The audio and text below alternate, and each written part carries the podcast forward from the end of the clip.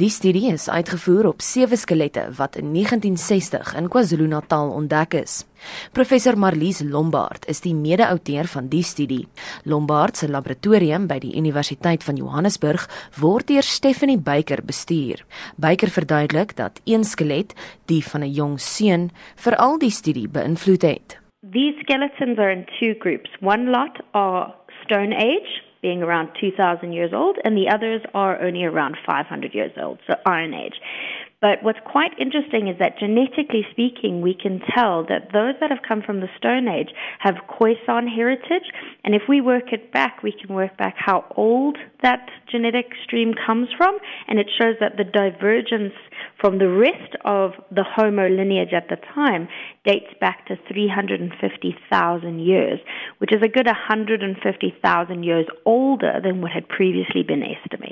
Baker verduidelik waarom dit belangrik is vir ons genetiese geskiedenis. Not only does it give us insight into the modern uh, mixing of genetics and movement of people into southern Africa, but also shows how as a species we are far more complicated than what we had previously thought and how reassessing skeletons that have been found long ago with newer technologies really is the forefront of the science moving forward. Danksy die studie word die ontstaan van die moderne mens heeltemal heroorweeg. We constantly are asking ourselves what makes us human.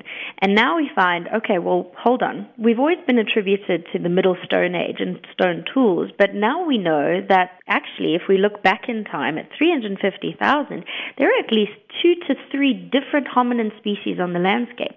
So it starts making us a little bit more aware of the fact that there's a lot more going on in our more recent history as a species. But then also moving forward, it tells us that ultimately we have a shared past and that as South Africans, we can be very proud of this heritage that we share and we preserve with the remainder of the world.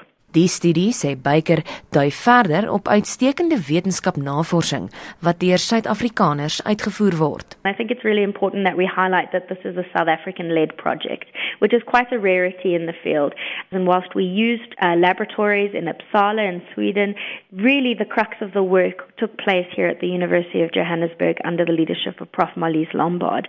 And so this is something that not only is the science itself something that we can be proud of, but also the fact that the science was led by one of our own. Dit was die laboratoriumbestuurder by die Universiteit van Johannesburg, Stephanie Beyker. Ek is Joan Marie Verhoef vir SAK nuus.